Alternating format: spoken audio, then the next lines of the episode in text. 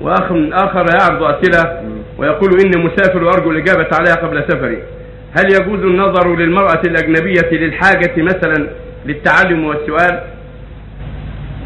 النظر الأجنبية الله جل وعلا منع منه قال سبحانه قل لمن يغضوا من ابصارهم يحفظوا فروجهم فيمكن التعلم والسؤال من دون متابعة النظر. ولما سئل النبي صلى الله عليه وسلم النظر فجاه الرجل ينظر إلى المرأة مفاجأة. قال لك الأولى وليس لك الأخرى. وقد لا تسال النظر النظر.